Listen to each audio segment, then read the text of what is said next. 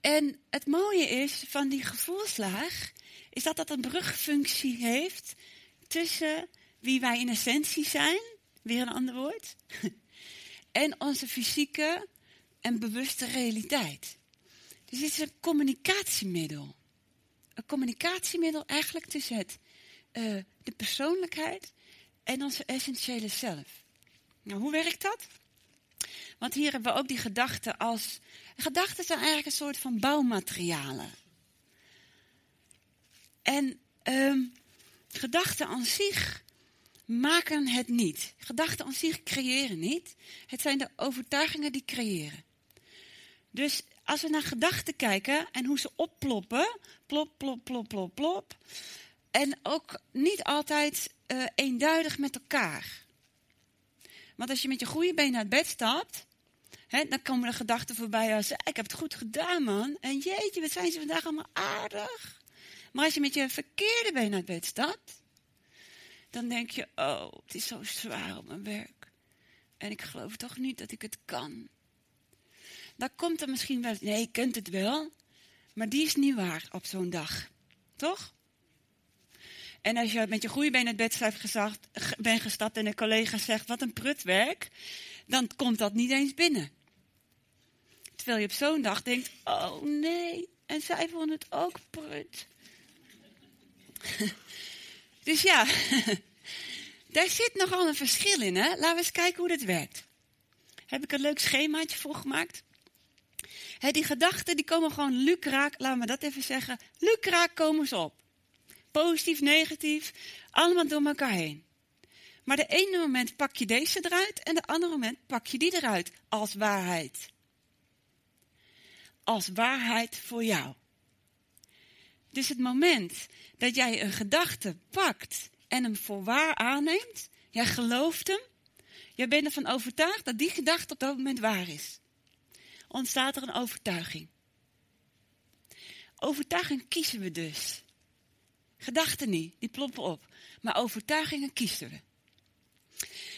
Um, op die onderste lijn staan de emoties.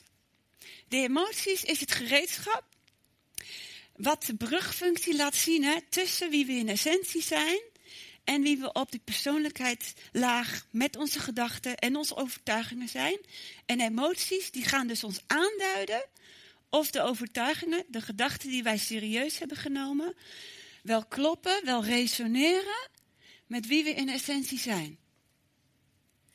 Dat zielstuk, dat essentiële zelfstuk, heeft namelijk ook een bepaalde uh, bewegende vorm in een bepaalde klank of kleur, noem het maar wat. En dus op het moment dat jij een gedachte in je opkomt, ik ben niet goed, dan zal daar structureel een emotie opkomen die zegt, auw, pijn, zelfafwijzing. Die emotie vertolkt eigenlijk, die gedachte is niet oké. Die klopt niet met wie je in werkelijkheid bent. Dus wat wij dus eigenlijk moeten doen, als dat soort emoties opkomen, de piekdingen, hè, zoals we bij jou zagen, die piekdingen, die zijn dus indicatoren van, hé, hey, ik heb een verhaal waargenomen, voor waar aangenomen, dat niet resoneert met wie ik ben. Daar zijn emoties voor. Die zijn de brugfunctie eigenlijk tussen het een en het andere. Bedoeld om jouw gedachte, overtuigingssysteem, de bouwmaterialen waarmee jij de wereld ziet, ervaart. En ook je stappen zet. Je keuzes maakt. En dus ook je leven mee vormgeeft. Zover gaat het. Die laat jou continu zien, ja, deze gedachteconstructie, overtuigingen, die creëren een leven dat bij je past. En deze gedachteconstructies, nee, niet die kant op. Pijn en fijn. niet voor niets willen we, hoe noem je dat ook weer, gain pleasure, avoid pain. Niet voor niets willen we liever gelukkig zijn en pijn vermijden. Dat zit in onze programmatie. Dat klopt. Maar we hebben niet door dat we daarin moeten kijken naar onszelf, in ons eigen kopie.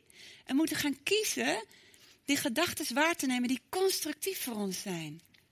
En niet diegene die destructief voor ons zijn. Dat maakt emoties supergoed gereedschap, afstemmingsmateriaal, om in lijn te komen en in lijn te blijven met wie je in werkelijkheid bent. Um,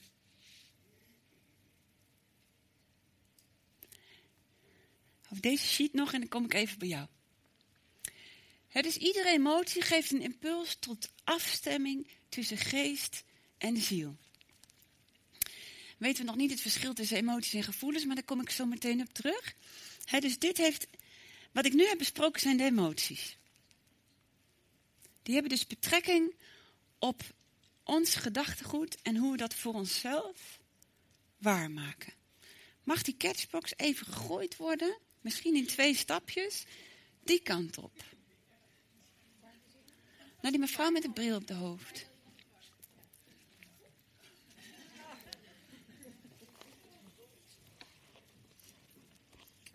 Vera, je gaf net een voorbeeld uh, dat er een gedachte opkomt: uh, ik ben niet goed. Hè? Mm -hmm. En dat je dan, oh, dan voel je dat helemaal in je lichaam. Dan zegt eigenlijk auw, want die ja. is een hele onprettige gedachte. Daar krijg je een rotgevoel van.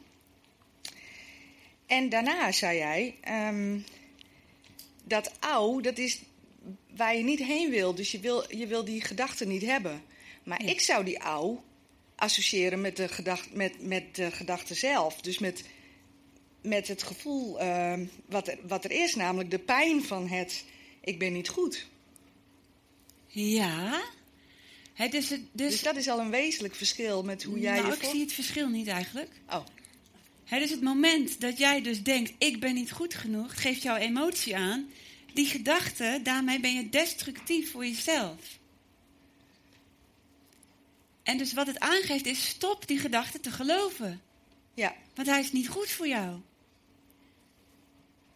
Ja, maar dan, uh, nou ja, daarom ben ik hier voor de lezing. Want ja? ik snap dan de boodschap van de emotie nog niet. De, bo de boodschap van de emotie in die ouw zou voor mij zijn ja. van... Uh, dat uh, heeft mijn moeder me vroeger aangedaan en zo. Mm, ja, misschien ook wel.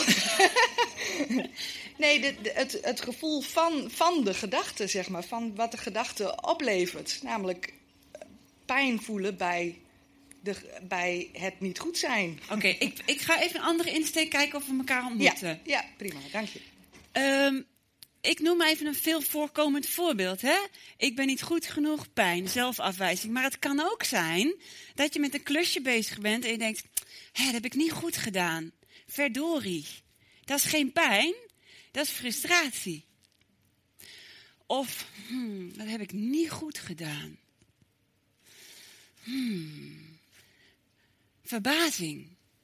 Dat zijn alle drie verschillende emoties. Dus we kijken niet per se naar die gedachte betekent dat ik dat niet meer moet doen. We kijken naar wat de emotie ons vertelt. Dus verschillende type emoties hebben verschillende boodschappen. Dus als, als, ik bijvoorbeeld denk, hm, dat heb ik niet goed gedaan. Hoe kan ik dat in het vervolg beter doen? Dus die emotie die maakt dat we gaan zoeken naar ontwikkeling. Naar het zoeken naar groei en verbetering. Maar dat is een hele andere emotie en dus een andere boodschap en een andere beweging dan, auw, ik ben niet goed, pijn, afwijzing. Want die zegt gewoon gelijk stoppen, nokken met die gedachte, ga in zelfacceptatie. Dus afhankelijk van de aard van de emotie, de verschillende boodschap en ook de verschillende richting aanwijzen. Ontmoet ik je daar een beetje in? Ja, ja ik snap wel waar het heen gaat. Ja. Oké. Okay. Ja. He, dus uh, ik heb uh, uh, op een gegeven moment ben ik hier maanden op aan het mijmeren geweest. Dus dan, dan, dan gaat continu je focus, 300% op een dag gaat daarop. En ineens kwam maar zo'n download van informatie. Oh, zit dat zo? En dat heeft zich ontvouwen. Waarin ik acht verschillende emotiegroepen differentieerde. Ik zal ze even in een plaatje pakken. Um, waarin die acht emotiegroepen, zo noem ik ze ook, want dit zijn zeg maar de hoofdemoties, maar er zijn ook broertjes en zusjes van die emoties.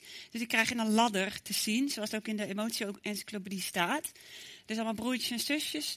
Uh, bijvoorbeeld van angst, dan heb je alert, uh, een uh, niet pluisgevoel, of juist onveilig of paniek.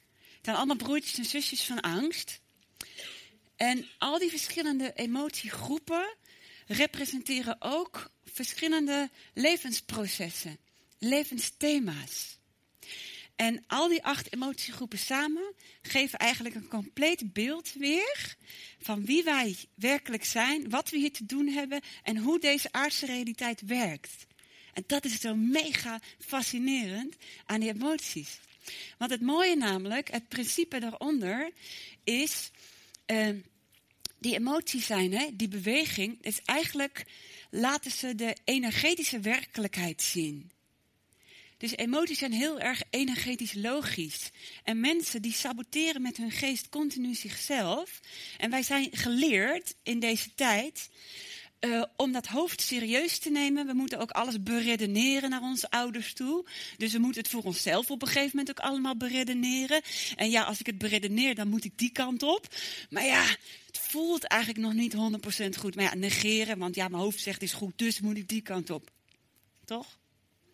En dus maken we foute keuzes. En dat willen we niet meer doen. Want foute keuzes, ja, dan zit je in een situatie waar je ook niet prettig bij voelt. En dan wordt de stap veel groter om daar weer uit jezelf te bevrijden. Ik had gisteren een feestje. Jij zegt, die werkt al 15 jaar bij dat bedrijf. En al 14 jaar wilde die er weg. maar dat gebeurt. Daardoor, door dat koppie. En omdat we volledig vergeten zijn het emotionele systeem serieus te nemen. Dat is zonde. En uh, uh, vrouwen zijn gevoelige mannen niet, ook onzin, hè? Mijn man zegt het wel, ja, 350, voor mannen zijn er maar twee. Dit is goed en kloten. En dan denk ik, wat een onzin. wat een onzin. Misschien is het wel zo dat mannen ietsje rationeler zijn en minder de drama ingaan. En dus wel degelijk, ik ga zo uitleggen waarom, gevoelig zijn, maar niet emotioneel.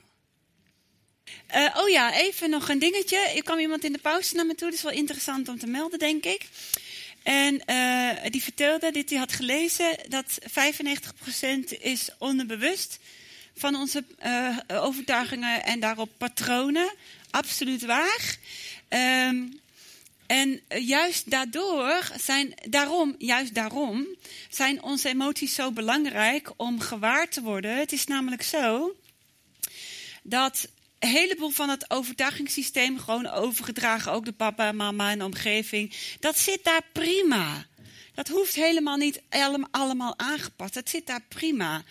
Tot het moment dat jij je op een bepaalde manier ontwikkelt en je stap hebt gezet van binnenuit. En daar zit daar een, een, overtuigingje die niet meer resoneert. Dan zijn het de emoties die gaan vertellen: hé, hey, het resoneert niet meer. dus je hoeft niet uh, in die overtuigingssysteem te gaan roeren om perfect te worden of om te genezen of wat dan ook. Op het moment dat je gewoon door je leven wandelt en levenssituaties uh, ja, ervaart, zullen de emoties die je ervaart, en hoe heftiger, hoe beter je moet kijken wat er aan de hand is, die zullen die dingen die onderbewust dus uit zink zijn gelopen, bewust halen, zodat je kan zien wat daar ja, jouw aandacht nodig heeft. Of mogelijk tot aan verandering wil. Ja?